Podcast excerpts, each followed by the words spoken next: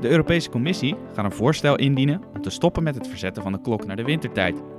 De zomertijd wordt dan de nieuwe standaardtijd in de hele Europese Unie.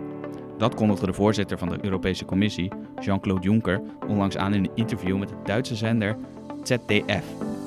Goed dat u luistert naar een nieuwe podcast van Elsevier Weekblad. Mijn naam is Matthijs van Schie en in deze aflevering spreek ik met redacteur Rob Raamaker en correspondent Europese Unie Jelte Wiersma over de afschaffing van de wintertijd. De maatregel die volgens Rob Raamaker ooit werd ingevoerd om energie te besparen. Het gaat terug tot uh, de Eerste Wereldoorlog, toen het is uh, toegepast om uh, kolen te besparen, energie te besparen. En zelfs nog wel iets verder terug. En in Europa gaat het eigenlijk terug op de jaren 60, 70. En in 1981, vanaf die tijd, gaat ook de Europese Unie, toen de Europese gemeenschap, echt regels stellen. Um, en dan denk je, we doen dat al zo lang. Er zijn dus kennelijk wel hele goede argumenten voor en bewijs dat het werkt. En als je um, uh, dan, de argumenten die dan genoemd worden, zijn meestal het besparen van energie en mensen een uurtje extra daglicht geven.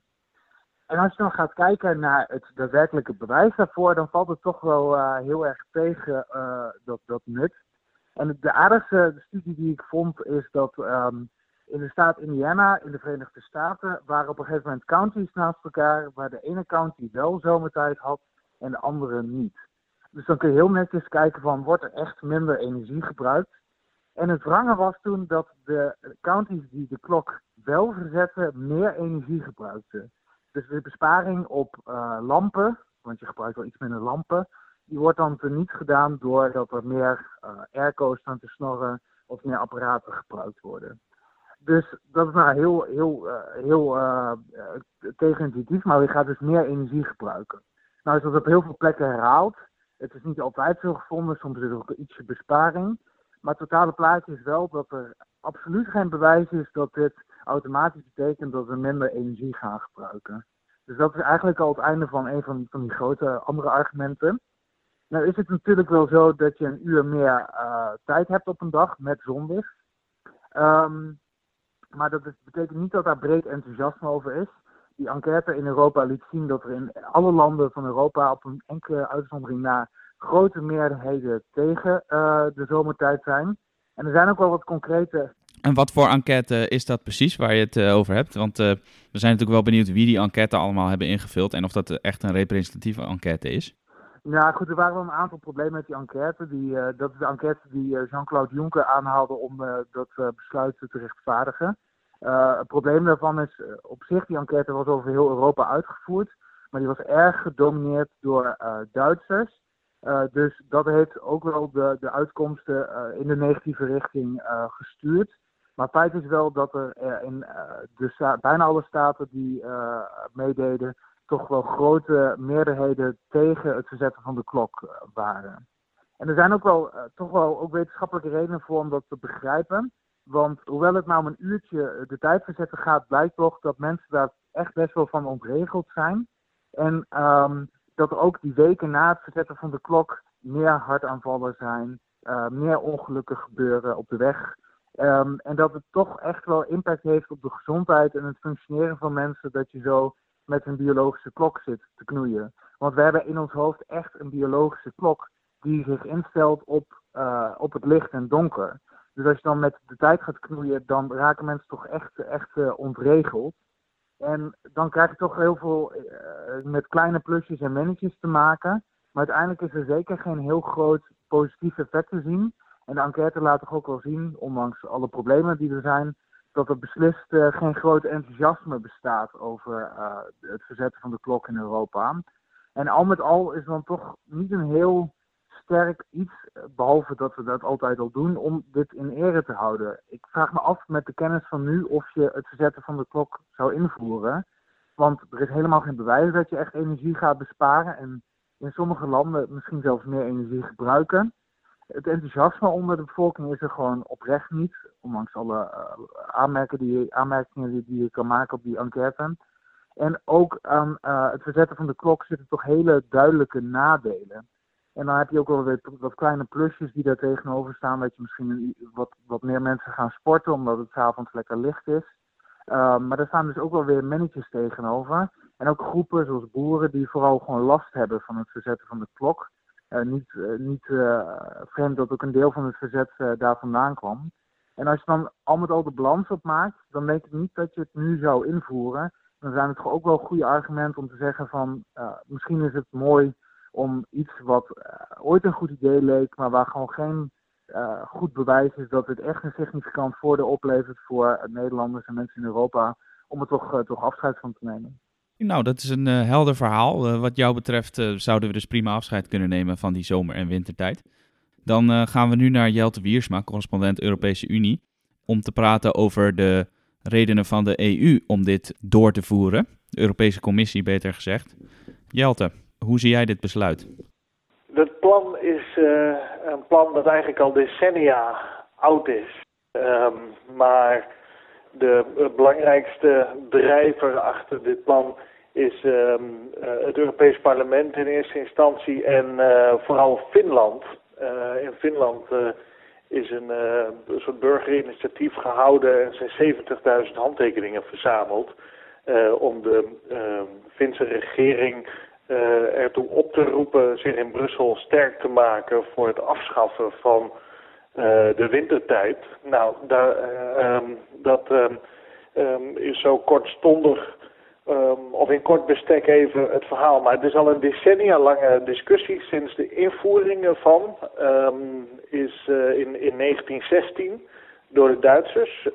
is uh, is het eigenlijk al een discussie of het wel nodig is en of het er niet afgeschaft moet worden. Dus al met al, het is een discussie die al een eeuw gevoerd wordt.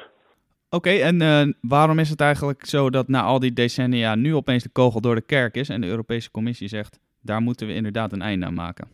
Nou, de kogel is nog zeker niet door de kerk, want de Europese Commissie gaat er niet over. Uh, zoals de Europese Commissie over heel veel dingen niet gaat, maar over heel veel dingen wel een mening heeft. Um, Um, uiteindelijk zijn het de uh, regeringen van de landen die bepalen um, of zoiets zal gebeuren. En voorlopig lijkt het erop dat de kans dat er iets gebeurt heel klein is. Omdat de meeste landen zeggen van nou het is wel goed zo.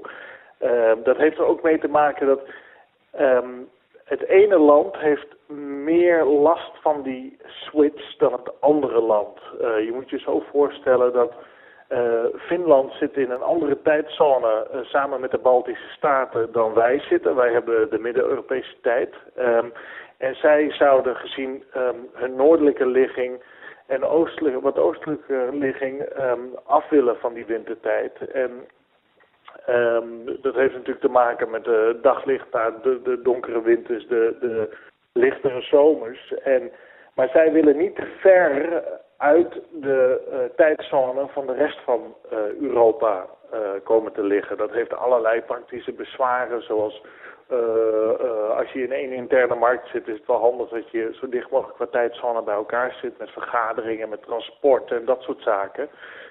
dus, um, de, dus Finland is een relatief perifeer land, is er erg bij gebaat om dit te veranderen. Maar landen zoals Nederland of, of Duitsland of België of Frankrijk uh, ja, zullen er niet of nauwelijks uh, voordeel van hebben.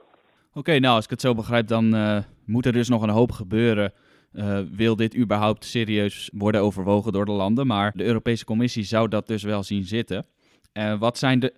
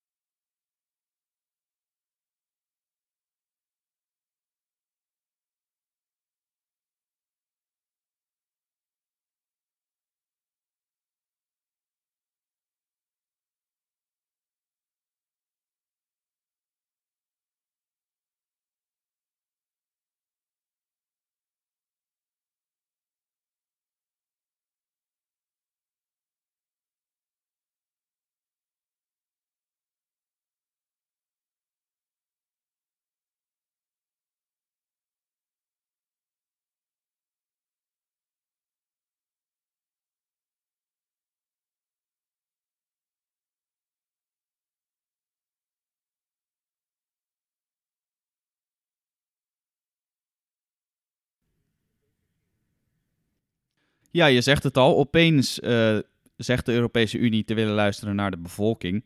En uh, waarom denk jij dat dat zo is? Dat Juncker zich nu opeens als een uh, democraat gaat gedragen, of althans zegt dat hij dat gaat doen? Het is natuurlijk een beetje een spelletje. Kijk, um, Juncker die werpt zich op tegen de zogenoemde populisten, zoals Matteo Salvini in Italië en, en, en anderen uh, die uh, doorgebroken zijn de laatste jaren. Um, Brexit zit ook in die sfeer natuurlijk met de Nigel Farage's en dat soort figuren. Uh, en hij heeft zich altijd als daartegen geworpen en altijd een houding gehad van ja, politiek is eigenlijk een zaak van dames en heren die um, dat samen besluiten tijdens een goed diner. En de bevolking mag af en toe wel naar de stembus en instemmen daarmee, maar moet niet te veel invloed daarop hebben. Dat is zijn houding. En um, dat hij nu um, in deze dagen waarin er veel kritiek is dat uh, politici zoals Jonker acteren zoals ze doen, dus niet luisteren naar de bevolking, dat hij nu dit trucje zo uithaalt van moet je kijken, wij luisteren wel degelijk naar de bevolking. Ja, is, is een beetje een, uh, een geintje uh, om uh, de mensen zoals eh, Salvini en ehm, eh, Farage, maar veel belangrijker, jij en ik en al onze andere medeburgers een, ehm, uh, proberen een beetje voor de gek te houden. Zo van, wij zijn wel degelijk heel democratisch en we luisteren naar u. Terwijl dat in heel veel gevallen niet, niet zo is. Ja, zou jij bijvoorbeeld zeggen nu, dit is een goed begin, luisteren naar de burgers. Zouden er ook nog andere thema's zijn waar uh, de EU zijn oor te luisteren zou kunnen leggen bij de burgers? Denk je dat dat een goed idee is?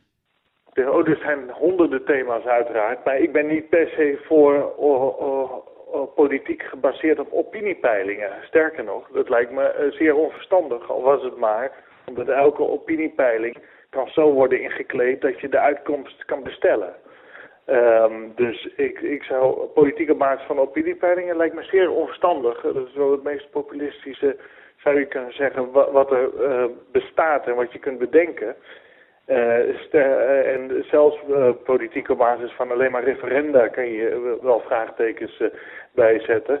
Stel nou dat er een opiniepeiling wordt georganiseerd door de Europese Commissie over het uitzetten van alle islamieten hè, uit de EU-landen. En bij die peiling komen vooral uh, Hongaren, Polen en uh, weet ik wie uh, Wilders stemmers op de, opdagen. En die zeggen met een paar miljoen mensen, laten we zeggen 4,6 miljoen mensen, net zoveel als er voor de zomer- en wintertijd peiling zijn opgekomen die zeggen we gaan, wij willen alle moslims Europa uitzetten.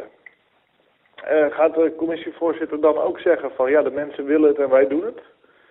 Uh, dat zou wel hele gekke situaties opleveren natuurlijk. Dus, um, en daarbij uh, in acht nemend dat ehm, die zomer- en wintertijdpeiling vooral heel veel Duitse deelnemers heeft gekend. En in mindere mate ook Oostenrijkers, maar nauwelijks mensen uit Nederland of uit Engeland of uh, dat soort landen is het uh, ook wel erg twijfelachtig of je uh, op basis van dit soort uh, informatie überhaupt iets moet vinden of willen.